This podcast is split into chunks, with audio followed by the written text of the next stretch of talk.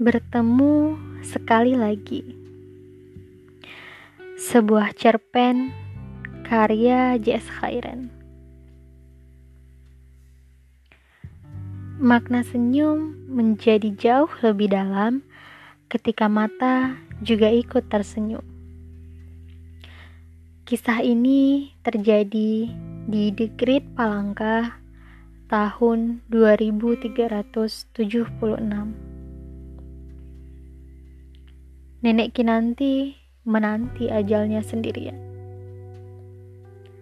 Oh, tidak juga.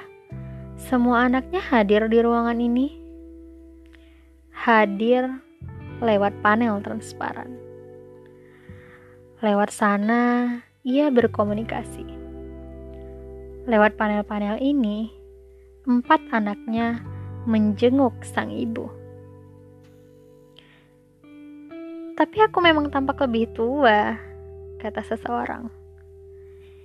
Ibu awet muda sekali. Segelas jahe merah. Kau lupa, Kak? Tiap pagi ibu mencampurnya dengan madu. Ujar seseorang lain yang juga sudah nenek-nenek. Di sekitarnya tampak dua orang anak kecil berlari-lari. Aku tiap pagi juga kata seorang kakek-kakek tampak menelan sebuah pil kecil.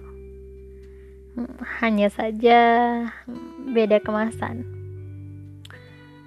Seorang nenek-nenek lainnya diam saja sambil sesekali menyahut obrolan saudara-saudaranya. Seperti biasa, suara obrolan anak-anak nenek Kinanti yang juga sudah nenek-nenek selalu menyambut kedatanganku. Panel-panel komunikasi itu adalah salah satu teknologi komunikasi tercanggih saat ini. Tidak hanya bisa melihat orang dan mendengar suaranya, tapi kita juga bisa muncul keluar dari panel dalam bentuk tiga dimensi. Mampu meraba, bahkan mencium bau orang yang sedang berkomunikasi dengan kita. Bayangkan, kau menelpon dengan panel ini, seketika kita bisa muncul di sebelahnya, ikut berkeliling, membelai rambutnya, atau mencicipi bau masakan yang sedang ia masak. Robot-robot medis yang memasang panel-panel itu sudah sejak hari pertama nenek Kinanti sekarat sekitar dua minggu lalu. Tidak semua pasien bisa mendapat kemewahan panel ini. Empat anaknya yang juga sudah kakek nenek tentu mampu membayar fasilitas ini. Aku dokter yang memasang robot-robot itu. Usia nenek Kinanti 102 tahun. Kalau dibilang sakit parah, ya tidak juga. Kalau dibilang tidak sakit, ya ada sakitnya.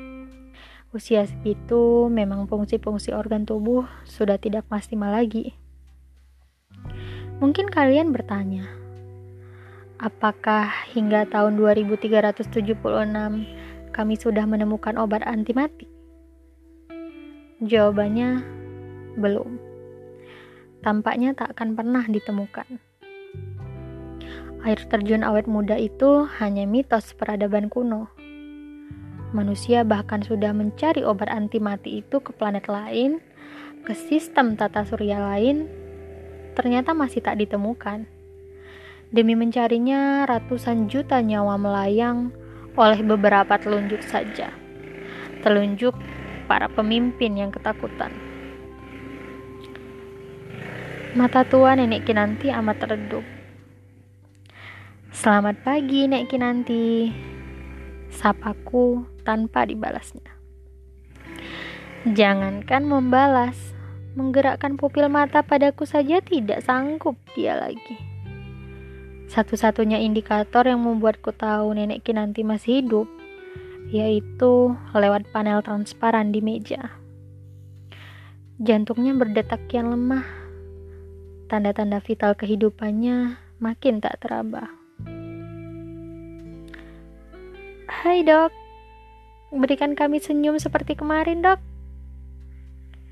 Hei, kau jangan menggoda. Dia masih muda, sementara kau sudah nenek-nenek. Mereka berempat berbalas tertawa.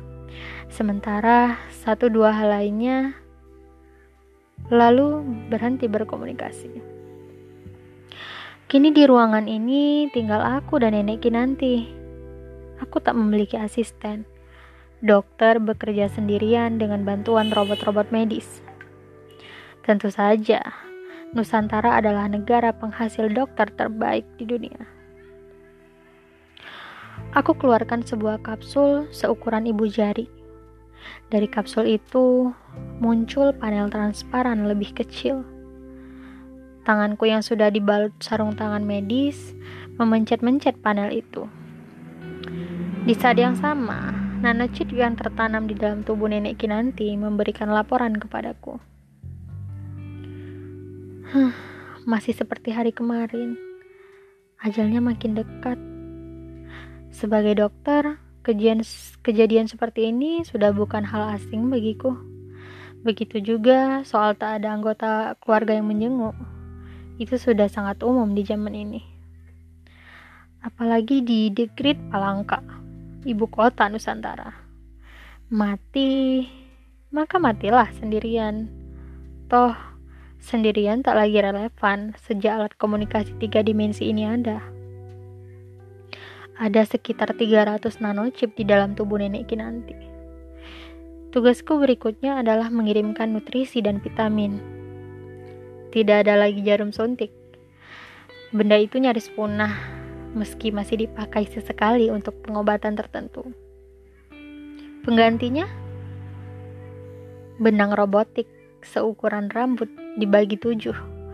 Benang jadi jalan tol bagi 300 nanochip itu. Sekejap saja mereka akan menembakkan hal-hal yang diperlukan ke dalam darah nenek Kinanti. Sebelum itu, aku coba raba dan nyadinya. Ini metode amat konvensional, tapi bagiku ini perlu. Dunia kedokteran boleh amat canggih, tapi menyentuh pasien secara langsung membuatku merasa terkoneksi. Pergelangan tangan penuh keriput itu dingin. Dua detik, tiga detik, tangannya bergerak tipis.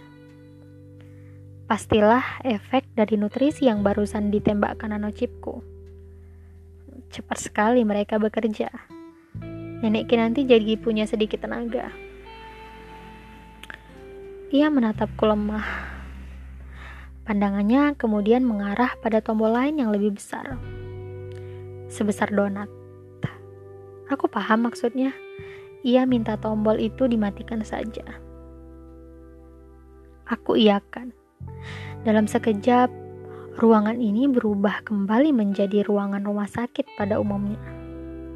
Sebelumnya, ruangan ini disulap lewat manipulasi grafis, disulap menjadi mirip seperti rumah milik nenek Kinanti. Lebih tepatnya, ruang keluarga tempat ia membesarkan anak-anaknya. Harusnya nenek Kinanti bisa mengganti ruangan ini sendirian. Cukup ia pikirkan saja di otaknya maka ruangan akan berubah tanpa perlu bantuan orang lain. Tapi itu dia, sel-sel di otaknya sudah terlalu lemah. Itu kenapa daftar putar ruangan ini harus diganti secara manual. Mata renta itu beralih ke jendela. Aku juga paham maksudnya. Meski aku tidak yakin cahaya matahari pagi dapat membuat hidupnya lebih lama lagi. Aku berjalan ke jendela, lalu menyibak udara, dan seketika lapisan pelindung jendela itu membuka.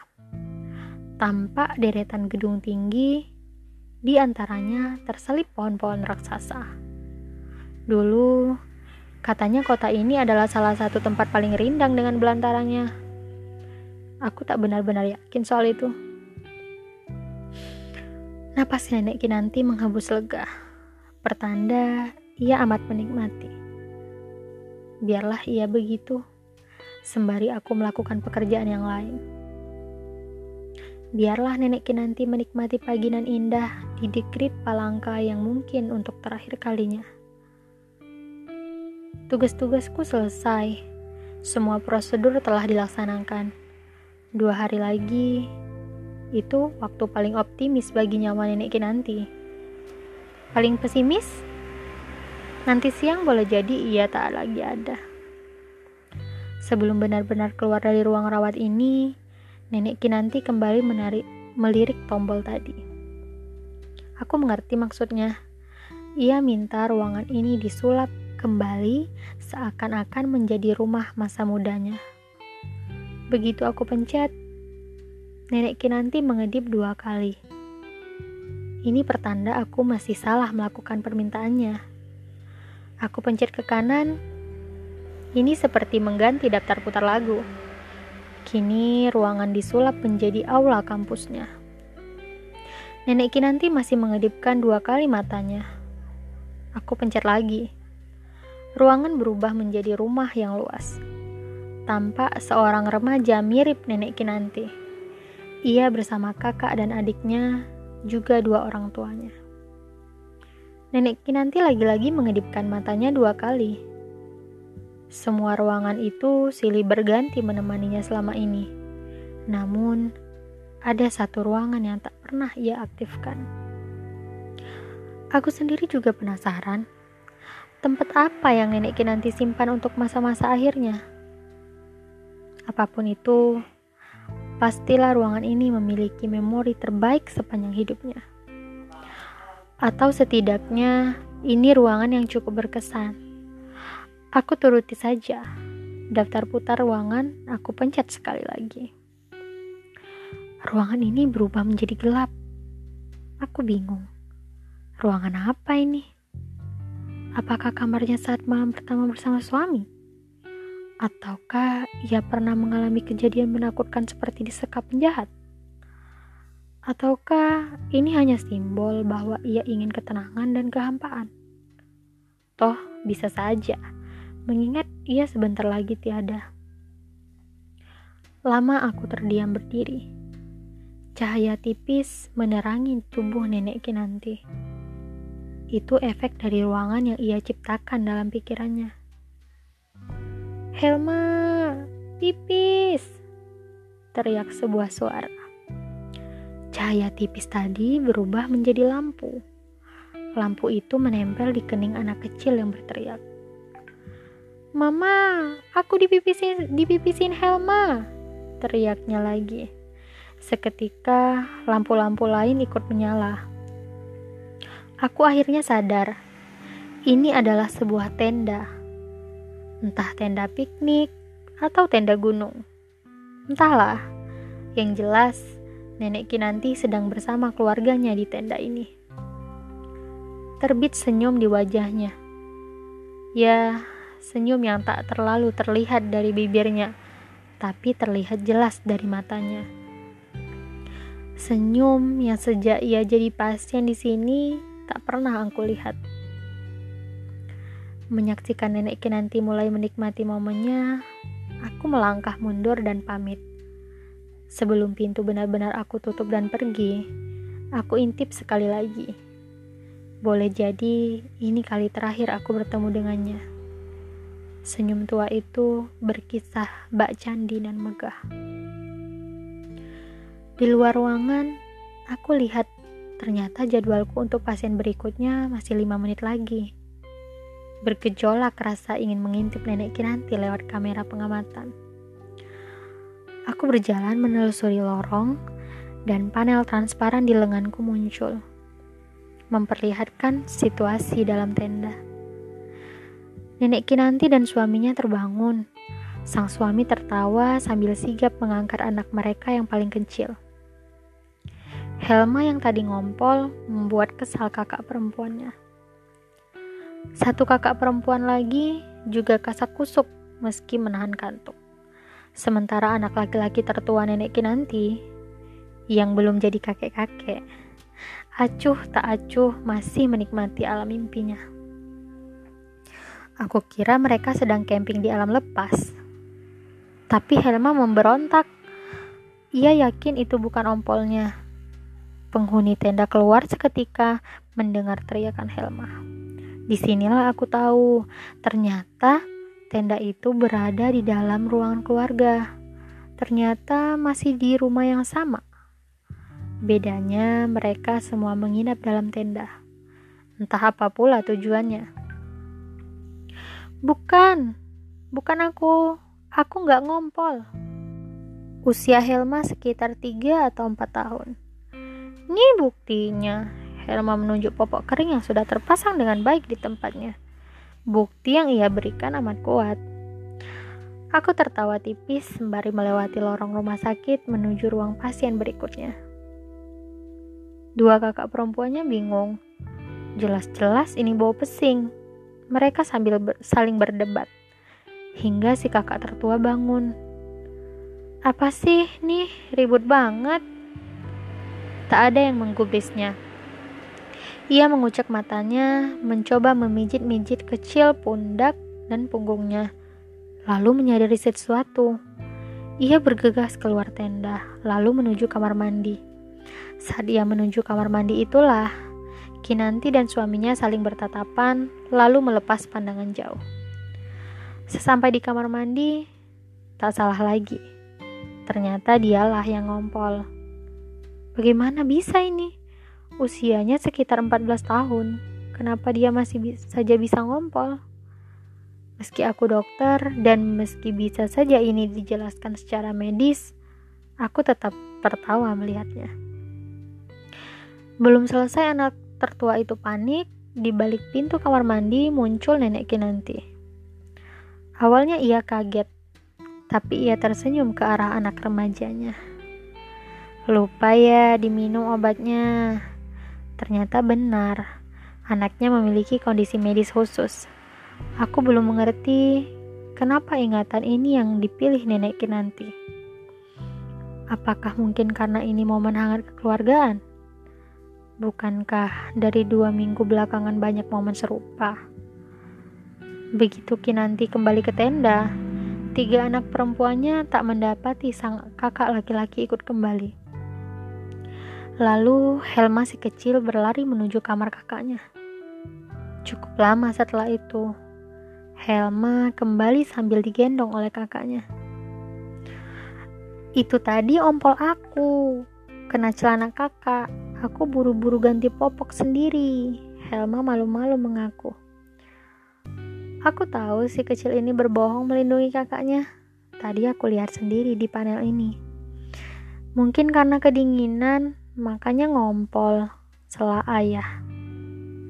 Kalau gitu, kita malam ini tidurnya pelukan semua aja, teriak Helma ceria. Tampak di panel transparan seperti kamera TV yang menjauh. Posisi mereka tidur kini lebih rapat, agak hangat, agar tidak ngompol lagi. Seperti kata Helma, namun aku melihat lebih dari sekedar itu. Mata Kinanti muda sempat terbuka sebentar, lalu tersenyum tipis. Tampak senyum yang beda. Aku sampai di ruangan berikutnya. Panel transparanku berubah, berganti menjadi tampilan pasien berikutnya. Semoga selesai mengunjungi pasien yang ini, aku masih bisa menyaksikan memori indah milik nenek Kinanti. Waktu berlalu kunjungan demi kunjungan pasien tunai sudah. Menjelang jam istirahat siang, sistem informasi rumah sakit mengirimkan pesan ke panel transparan di lenganku.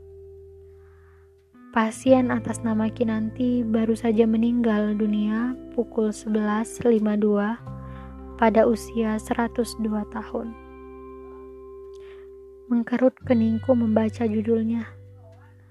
Tak akan ada lagi kunjungan yang dibalas senyuman pada nenek Kinanti. Aku bergegas menuju kamar rawatnya. Begitu membuka pintu, sesosok manusia berdiri di sebelahnya. Ia juga sudah sangat tua. Apakah ini suaminya? Rasanya tidak. Oh, tadi pagi aku melihatnya berkomunikasi dengan nenek Kinanti. Berarti ini anak laki-lakinya. Perlahan aku mendekati orang itu. Tiga panel komunikasi lain ikut menyala di sebelahnya. Tiga orang itu semua menangis. Mereka adalah tiga anak perempuan nenek Kinanti termasuk Helma. Menangis karena dua hal. Karena melihat ibu mereka pergi dan menangis karena tak ada di sisi ibu di waktu-waktu terakhirnya. Pak dokter, isak orang itu. Apakah tadi ibu tersenyum? Mendengar pernyataan itu, aku menanjuk mengangguk takzim. Nyonya Kinanti selalu tersenyum. Sekian cerpen dari Jess. Akhir.